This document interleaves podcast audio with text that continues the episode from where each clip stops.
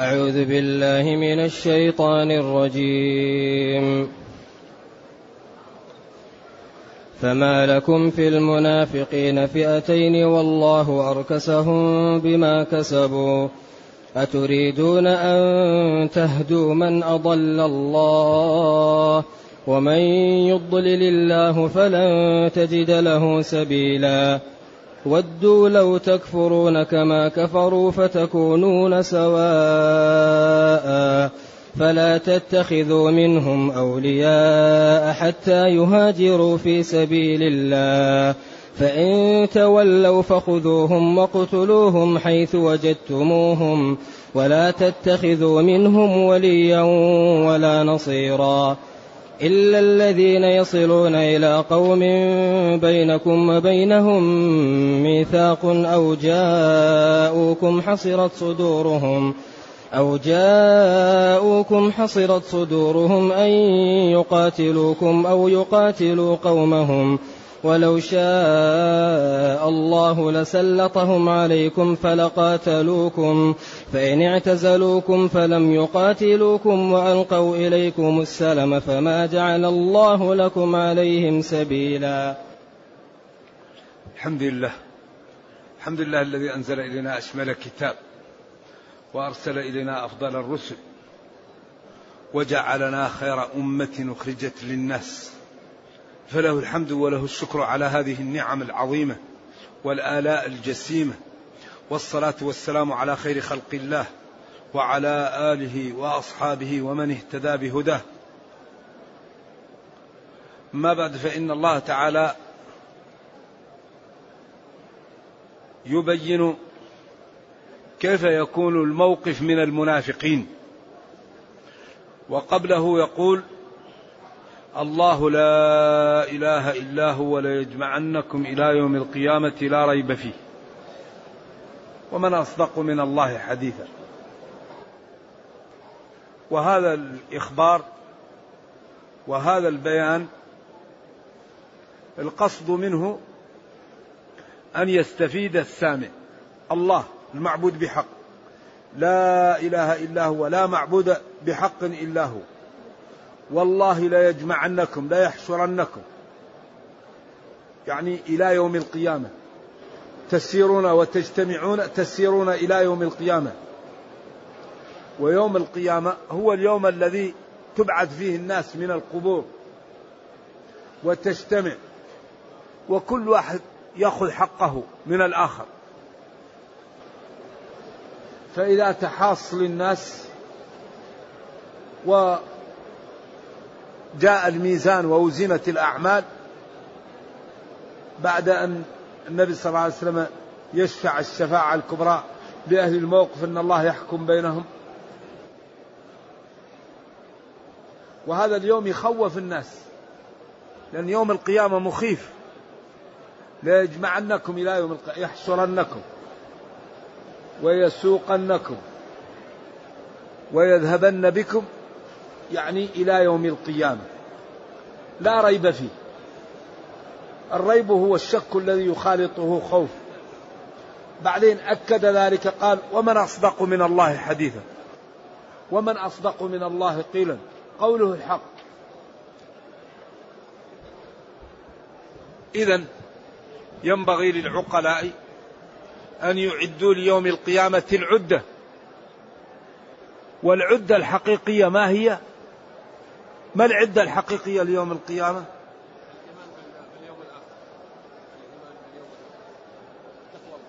الاستقامة. فاستقم كما أمرت. قل آمنت بالله ثم استقم. قل آمنت بالله. قلها من قلبك ومن لسانك. ثم استقم. خلاص. هذا هو علاج الآخرة. لا علاج ليوم القيامة إلا الاستقامة. لذلك يوم القيامة يؤتى بالرجل الذي كان في الدنيا صاحب مكانة وجاه ومال و وبعدين لا يقام له وزن. إذا كان لا يطيع الله وكان غير مستقيم وكان كافر ماذا قال الله فلا نقيم لهم يوم القيامة وزنا. ما عندهم شيء لا قيمة لهم. أما الذين آمنوا وعملوا الصالحات إيش؟ كانت لهم جنات الفردوس نزلا مكان منزل مسكن. بعدين أتى بالبرهان على ذلك. ما البرهان على ذلك؟ قدرة الله. قل لو كان البحر مدادا لكلمات ربي لنفد البحر. هذا برهان على أنه ما أخبر به من إكرام المتقين قادر عليه وما أخبر به من عقوبة المجرمين قادر عليه. فهو كالمثال كالبرهان. قل لو كان البحر مدادا لكلمات ربي لو كان البحر مدادا لكلمات ربي وجلس البشر يكتبون وجعلت أشجار الأرض أقلام وضربت في الحصى بلايين السنين. لجفت البحار وتكسرت الأقلام وما نفدت كلمات الله. ما خلقكم ولا بعثكم إلا كنفس واحد إذا هذا برهان. إذا المعبود بحق الذي لا معبود بحق سواه أقسم لا يجمعنكم لا يجمع جميع الخلق إلى يوم القيامة. وكأن يجمع بمعنى يسوق أو يحشر. لأنه جمعه في كذا لكن جمعه إلى كذا في معنى السوق. ساقهم أو ساقهم إلى يوم القيامة وهو اليوم الذي يقوم فيه الناس من القبور. وهذا اليوم له ما بعده. لا ريب فيه ولا شك في وقوعه. ثم قال ومن أصدق من الله حديثا. ثم لما اختلف الصحابة في شريحة ممن أظهرت الإسلام وأبطنت الكفر. فقال بعضهم مسلمون وقال بعضهم غير مسلمين واختلفوا. فقال فما لكم في المنافقين فئتين؟ ما لكم اختلفتم. في المنافقين إلى فئتين وكان الأولى أن تتفقوا على أن المنافقين ليسوا بمسلمين. والله تعالى أركسهم أوقعهم أو يعني كلمة أركسهم يعني تدل على يعني أبقاهم أو أهانهم أو جعلهم أخرهم أذلهم أبعدهم. بما كسبوا أي بسبب ما كسبوا.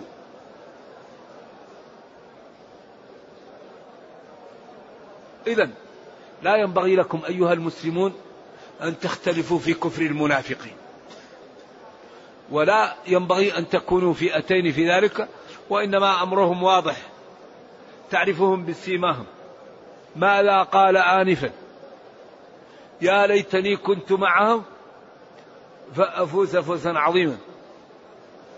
فإذا ذهب الخوف سلقوكم بألسنة حداد أشحة على الخير أولئك لم يؤمنوا.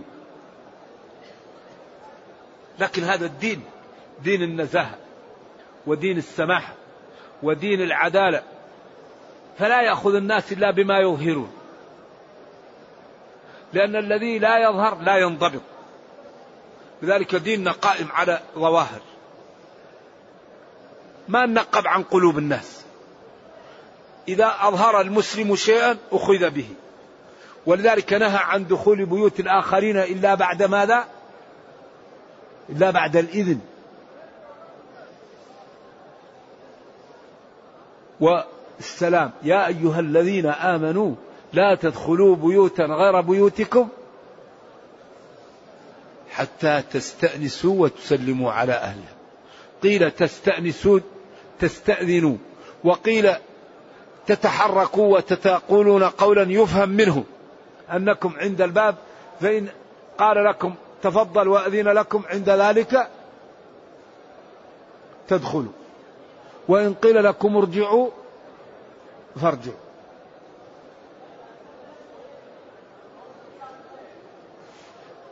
إذا لا ينبغي للمؤمنين أن يختلفوا في المنافقين ولكن قد يقول بعض الناس النبي صلى الله عليه وسلم يعلم الغيب يعلم ينزل عليه الوحي وإلا الغيب لا يعلمه إلا الله.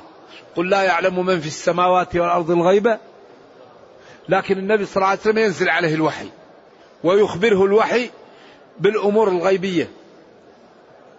وهو أخبره ربه بالمنافقين.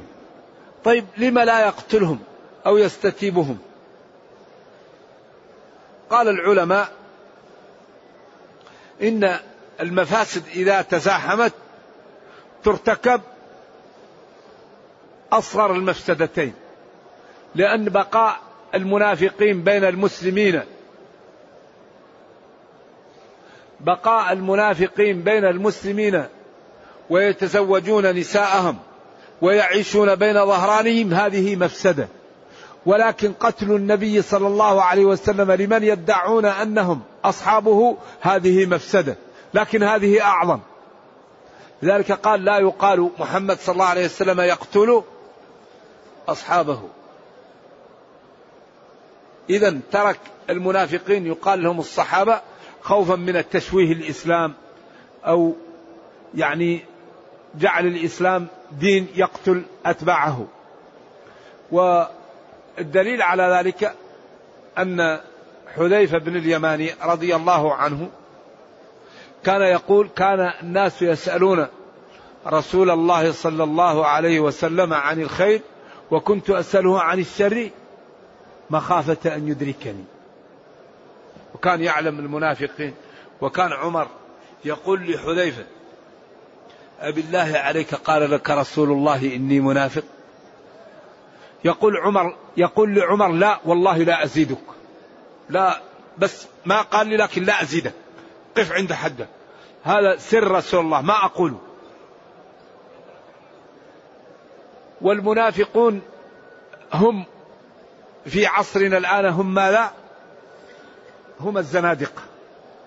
الزنديق هو المنافق في زمن النبي صلى الله عليه وسلم. وهو الذي يسخر من الصلاة ومن الصوم ومن إظهار السنة ومن ممارسة الشعائر ويرى أن هذا الإنسان اللي يعمل هذا إنسان إيش؟ مصاب في عقله ويرى أن الدين ولذلك لا يستطيع أن يظهر هذا يخاف من المسلمين وهو الذي يكون أمام الناس يصلي لكن هو غير مقتنع. نعم نرجو الله السلام والعافية. فما لكم أيها الصحابة في شأن المنافقين اختلفتم إلى فئتين؟ والله جل وعلا أركسهم أذلهم أهانهم أبقاهم أخرهم بسبب ما كسبوا من الذنوب. بعدين قال أتريدون أن تهدوا من أضل الله؟ إنكار. لا تستطيعون هداية من أضل الله.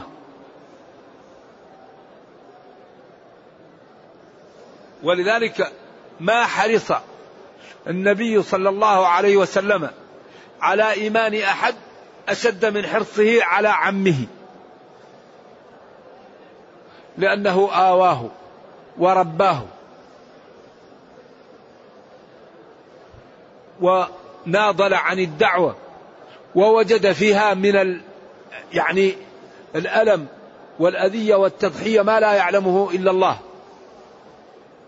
فكان يريد أن عمه ينقذه الله من النار. ولا زال به ولا زال به حتى مات على الكفر. وبدأ يستغفر له. فقال له ما كان للنبي والذين آمنوا أن يستغفروا للمشركين ولو كانوا أولي قربى من بعد ما تبين لهم أنهم أصحاب الجحيم وهو قوله عند الغرراء هو على ملة عبد المطلب. ثم بين أن إبراهيم كان استغفاره لأبيه لموعده فلما تبين له أنه عدو لله تبرأ منه. إن إبراهيم لأواه حليم. ثم بين فضل الله وسعة رحمته أنه لا يضل ناسا إلا بعد أن يبين لهم. وما كان الله ليضل قوما بعد إذ هداهم حتى يبين لهم ما يتقون. ما يمكن واحد يضل ويدخل جهنم إلا بعد أن تأتيه الرسل وتبين له وتخوفه وتوضع له النقاط على الحروف. إذا والله لا عذر لنا بعد هذا الكتاب. لا عذر لنا. كتاب أنزلناه إليك مبارك ليدبروا آياته لا يأتيه الباطل من بين يديه ولا من خلفه. تنزيل من حكيم حميد.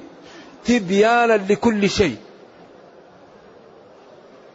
إذا كل ما تحتاجه الأمة يكفيها أن تفتح هذا الكتاب وتخرجه. لأن الله قال ومن أصدق من الله قلا وقال لنبيه مخاطبا له ممتنا عليه ونزلنا عليك الكتاب تبيانا لكل شيء.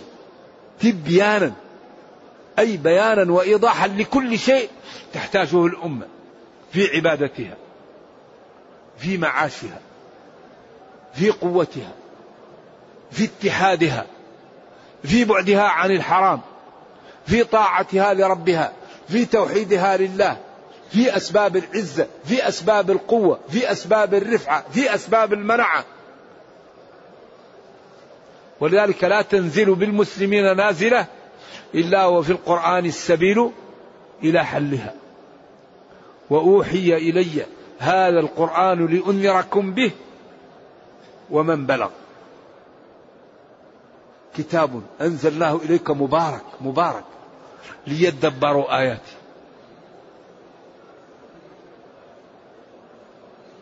أتريدون أيها الصحابة أن تهدوا من أضل الله؟ ما تستطيعون. ومن يضلل الله فلن تجد له سبيلا. الذي يكتب الرب أنه ضال لا يمكن أن يهديه شخص. ولكن الأنبياء والرسل والعلماء والصالحون يملكون هداية الإرشاد. هداية الإرشاد التي قال الله فيها لا يضركم من ضل إذا اهتديتم. العلماء وقبلهم الأنبياء والصالحون وأهل الفضل والاستقامة يملكون هداية الإرشاد. الواحد يقول يا فلان ترك الصلاة خطر. والأئمة الأربعة اتفقوا على أن تارك الصلاة حياته غير شرعية. تارك الصلاة لا يخالط العالم. لأن حياته غير شرعية ولأنه قام بجريمة وذنب عظيم صاحبه لا يخالط المسلمين. لذلك الذي يترك الصلاة ويتعمد تركها إما يسجن ويضرب حتى يصلي أو يموت لا يخالط الناس. وإما يقتل كفرا وإما يقتل حدا. إذا يا عبد الله لا تترك الصلاة. لكي لا تكون صلاتك غير شرعية. خلاص. إذا اهتديت لا يضرك ضلال من ضل. الاهتداء هو ما لا؟ الأمر بالمعروف والنهي عن المنكر. إذا اهتداء المسلمين أن يأمروا بالمعروف وينهوا عن المنكر. عند ذلك لا يضرك ضلال من ضل. ولذلك الذين صادوا يوم السبت قالت لهم الجماعة التي لم تعظون قوما الله مهلكهم ومعذبهم عذابا شديدا؟ قالوا معذرة إلى ربكم أو معذرة. أمرنا معذرة أو قالوا قولا معذرة. معذرة إلى ربكم ولعلهم يتقون والثالث لأن لا يكون للناس على الله حجة لكي لا يبقى لهم حجة يوم القيامة. إذا الأمر بالمعروف والنهي عن المنكر ودعوة الناس لها ثلاثة فوائد كبيرة. الفائدة الأولى أن الداعية يسلم من أن يلببه. أخوه الذي رآه يعمل المعاصي ولم ينهاه ثانيا لكي يهتدي هذا الذي يعمل المعاصي ويتوب ويكون من الصالحين ويغمره الله بالخير ويغمرك لأنك كنت السبب في هدايته. الثالث لكي لا يبقى له حجة بعد ذلك. ما يقول ما جاءني أحد. ولذلك كل ما أراد الله تعالى أن يدخل جماعة من أهل النار في النار قبل أن يدخلهم؟ تسألهم تسألهم الملائكة. كلما ألقي فيها فوج سألهم خزنتها. ألم يأتكم نذير؟ قالوا بلى قد جاءنا نذير. فكذبنا. إذا خلاص ادخلوا جهنم. جاءنا نذير فكذبنا. إذا دين عدل دين سماحة دين نزاهة دين عدم الظلم. والذي لا عقل له لا يكلف. رفع القلم عن ثلاث. والمضطر لا يؤاخذ. وقد فصل لكم ما حرم عليكم إلا ما اضطررت. لكن الله لا تخفى عليه حالة الاضطرار من حالة إيش؟ من حالة الاختيار. لا أبدا. إذا قال واحد أنا مضطر وهو ما هو مضطر. لا تخفى على الله. إذا ومن يضلل الله فلن تجد له سبيلا. ما يم ولو ولد ولو ولد أتقى الناس أعلم الناس. ولو ولد نبي. نوح عليه وعلى نبينا الصلاة والسلام قال يا بني اركب معنا إيش؟ ولا تكن مع الكافرين. قال سآوي إلى جبل ظهر أنه كان نشيط وكان قوي لأن الجبل ما يمكن يطلعه إلا واحد إيش؟ قال سآوي إلى جبل. قال له لا عاصم اليوم من أمر الله إلا من رحم.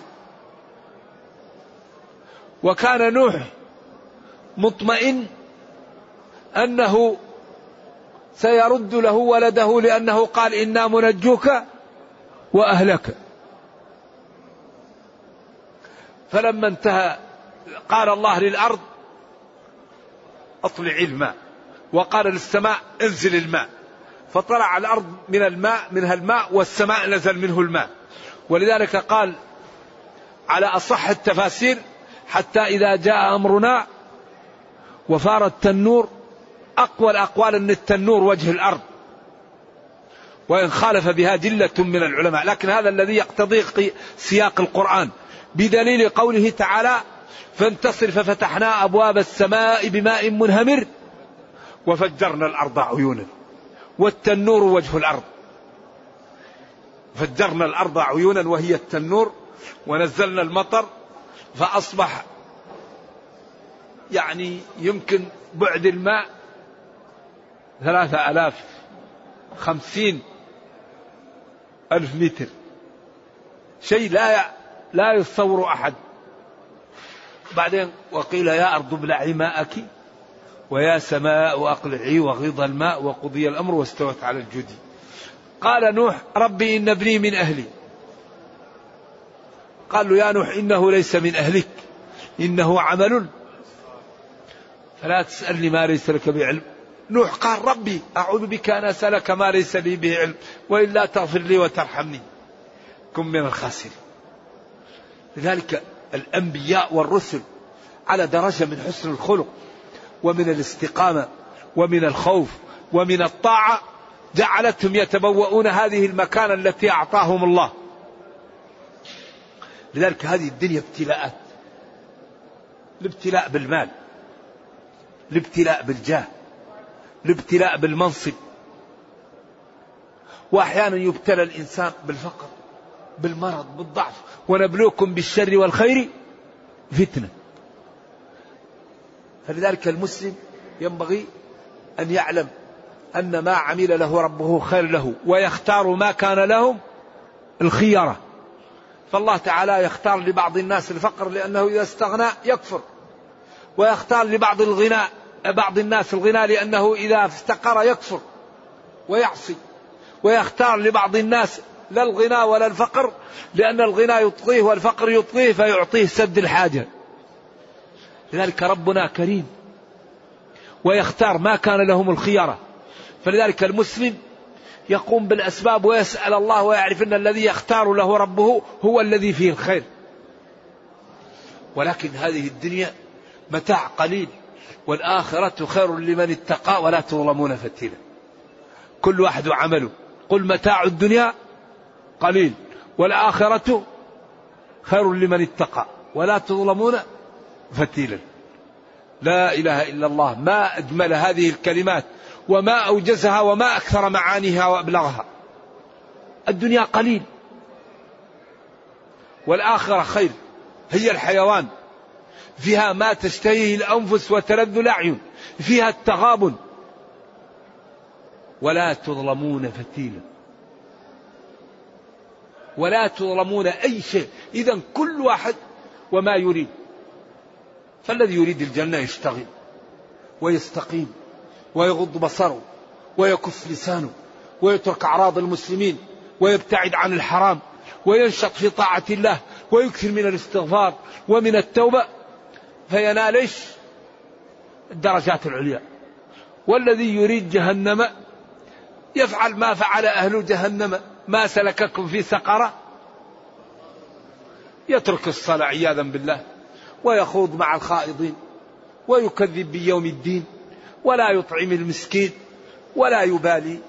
إذا أراد أن يتكلم تكلم. وإذا أراد أن ينام ينام. وإذا أراد أن يأكل يأكل.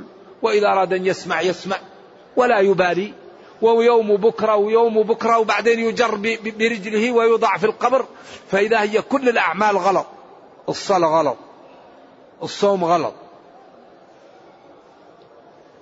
طيب كل الأعمال لا يأخذ عليها أي أجر. وبعدين فيه جبال من المعاصي ومن الذنوب. فلذلك ينبغي للإنسان أن ينتبه قبل أن يفوت الأوان. ينتبه ينتبه. إذا انتبهنا وكابدنا الطاعات ونمى الإيمان في قلوبنا الله يعزنا بالإسلام ويجعل هوانا تبعا لما جاء به النبي صلى الله عليه وسلم. لأن الذي يكابد الطاعات بعدين يتغلب على شيطانه ويكون نزوته وشهوته ومحبته في طاعة الله. وهذا إذا صار للعبد لا يخاف عليه. لأن العبد امتلأ قلبه من الإيمان أصبح يخاف الله. فلا يستطيع أن ينظر إلى الحرام ولا يتكلم بالحرام ولا يسمع حرام ولا يأكل حرام ولا يمشي إلى الحرام فيكون من عباد الله الصالحين. فهذا لا يستطيع له أحد. عباد الله الصالحين الله يدافع عنهم. الله يرد عنهم. الله ينصرهم. الله يرفعهم. الله يدمر أعداءهم. ولينصرن الله من ينصره. من عادى لي وليا فقد آذنته بالحرب. إذا فليجتهد كل واحد منا أن يكون من أولياء الله. فليجتهد كل واحد منا أن يكون من أولياء الله. ولا يمكن الولاية تأتي إلا بالمكابدة. والذين جاهدوا فينا لنهدينهم سبلنا. إذا يقول جل وعلا ومن يضلل الله فلن تجد له سبيلا. أي طريقا للهداية. ودوا.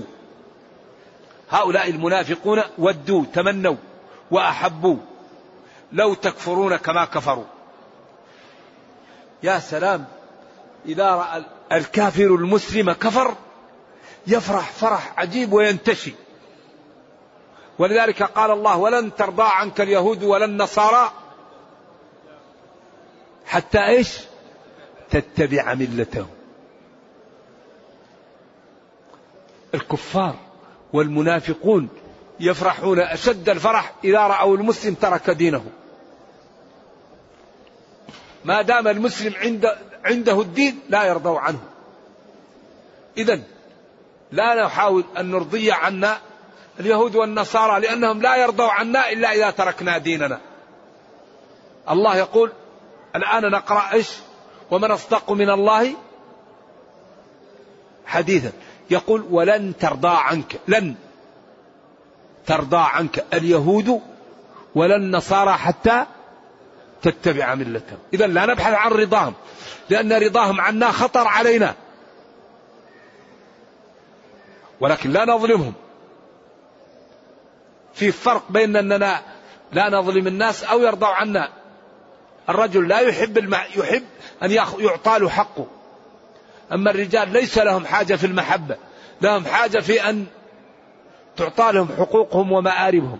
أما المحبة للأطفال وللنساء. أما الرجل المهم يعطى له إيش؟ حق لذلك ينبغي لنا أن نمتثل ديننا وأن نفهمه وأن نطبقه. فإن ذلك يضمن لنا العزة في الدنيا والرحمة في الأخرى. ودوا هؤلاء اليهود هؤلاء المنافقون لو تكفروا. ودوا لو تكفرون. تمنوا. لو كنتم من الكافرين.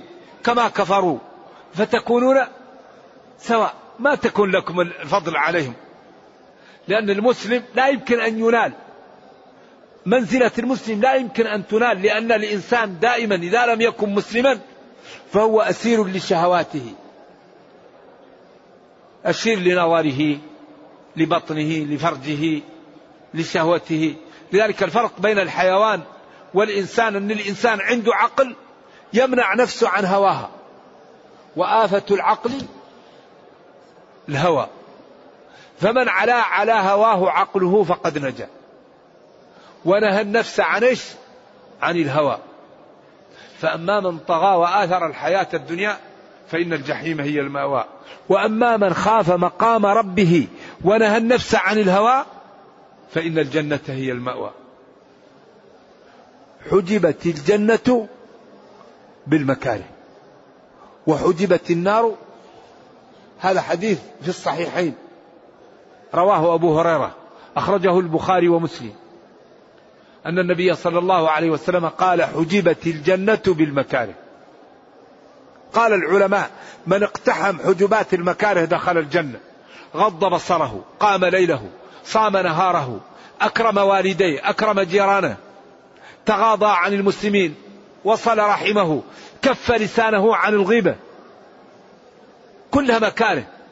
ومن اقتحم حجبات المكاره الشهوات دخل النار. الذي يقتحم حجبات الشهوات. شرب كما يحلو له. سافر كما يحلو له. تكلم كما يحلو له. نظر كما يحلو له. فلا تتخذوا منهم أولياء. هؤلاء المنافقون وأتباعهم من الكفار. لا تتخذوا منهم أولياء. تستعملوا منهم أولياء. حتى يتوبوا وتظهر توبتهم بالمهاجرة. حتى يهاجروا. في سبيل الله. ما يهاجروا لأجل التزويج أو لأجل المال. ولذلك إنما الأعمال بالنيات. من كانت هجرته إلى الله ورسوله وإن كانت هجرته إلى دنيا يصيبها أو امرأة يتزوجها فهجرته إلى ما هاجر إليه. اذا حتى يهاجروا. ولا تتخذوا منهم أولياء حتى يهاجروا في سبيل الله. يهاجروا في سبيل الله ما هو في سبيل آخر. فإن تولوا ولم يهاجروا ولم يلتزموا بما أمرتهم به فخذوهم واقتلوهم حيث وجدتموهم ولا تتخذوا منهم وليا ولا نصيرا. كما قال في الآية الأخرى فسيحوا في الأرض أربعة أشهر واعلموا أنكم غير معجز الله وأن الله مخزي الكافرين. ثم قال فإذا انسلخ الأشهر الحرم فاقتلوا المشركين حيث وجدتموهم وخذوهم واحصروهم واقعدوا لهم كل مرصد فإن تابوا وأقاموا الصلاة وآتوا الزكاة خلوا سبيلهم. وفي الآية الأخرى فإخوانكم في الدين.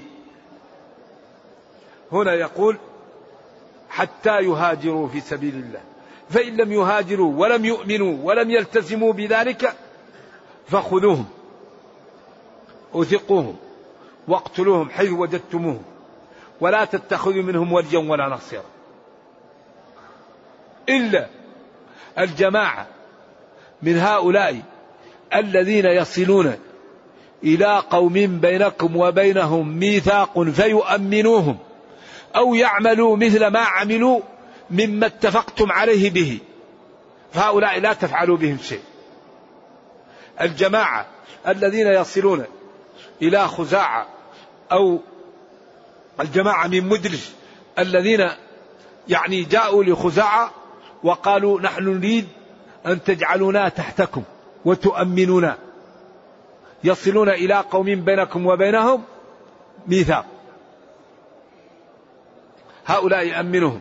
أو جاءوهم وقالوا نحن نقبل ميثاق هؤلاء القوم ونكون معهم في ميثاقهم. إما بتأمينهم أو بقبول ما قبل أولئك. هؤلاء كفوا عنهم.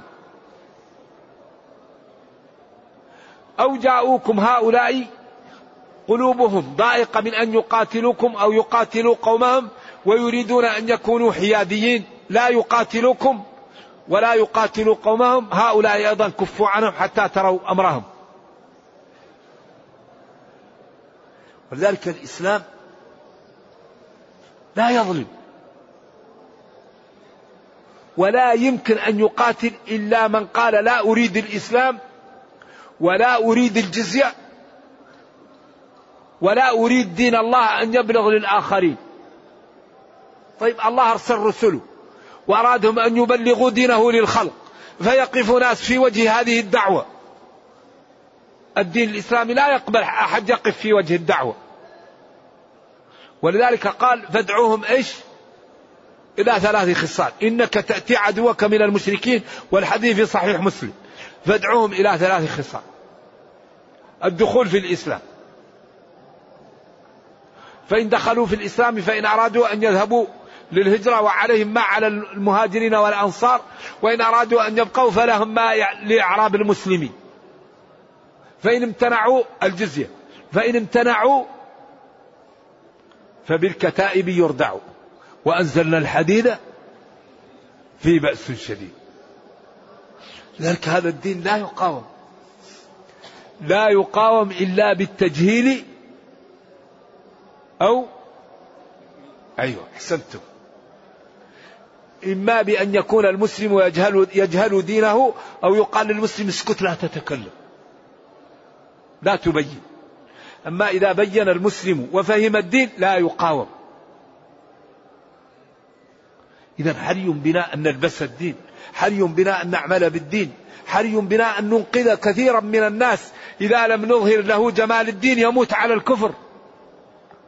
كثير من الأمم إذا لم يبين لهم المسلمون جمال هذا الدين يضيعون ويموتون كفار فيكون لا طمع لهم في الجنة وهذا هو الشقاء الأبدي. إذا إلا الذين يصلون إلى قوم بينكم وبينهم ميثاق هؤلاء أو الذين جاءوكم حصلت صدورهم وثقلت أن يقاتلوكم أو يقاتلوا قومهم ويريدون أن يكونوا على حدة.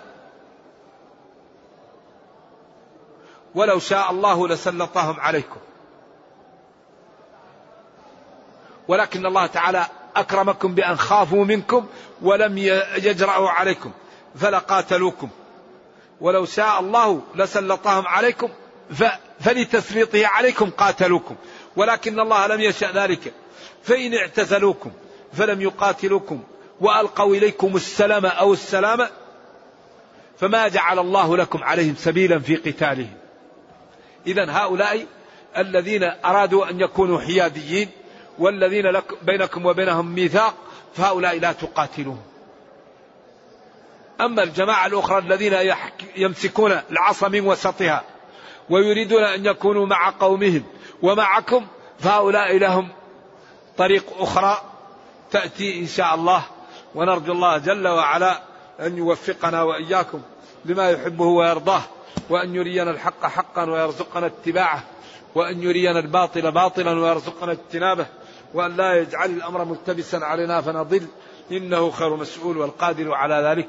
وصلى الله وسلم وبارك على نبينا محمد وعلى آله وصحبه. يقول صيام عشر ذي الحج. بين لنا فضله. زادكم الله نورا وهدى. أمين. قال العلماء ما من أيام أفضل فيها العمل من عشر ذي الحج. قالوا ولا الجهاد. قال ولا الجهاد في سبيل الله إلا رجل مشى بنفسه وماله ولم يعد من ذلك بشيء. إذا هذه فرص. التجار الآن تجدهم طول السنة يجمعون البضائع. الآن يبيعوا ويجتهدوا. ما فيه بضاعة أحسن من الحسنات. ولا فيه تجارة أحسن من مواسم الخير. المسلم يجتهد لإيش؟ ليربح. فعشر ذي الحج ينبغي لنا أن نجتهد فيها. من يستطيع أن يصوم يصوم. يقرأ القرآن يذكر الله يتصدق يستغفر يصل الأرحام. كل أعمال الخير يعملها في هذه الأيام. فهي أيام يعني مباركة والعمل فيها كثير وبالأخص أن الآن لا حر ولا برد. فهذه الأيام فرصة ونجتهد فيها. ونرجو الله أن يوفقنا وإياكم ويرزقنا الإخلاص.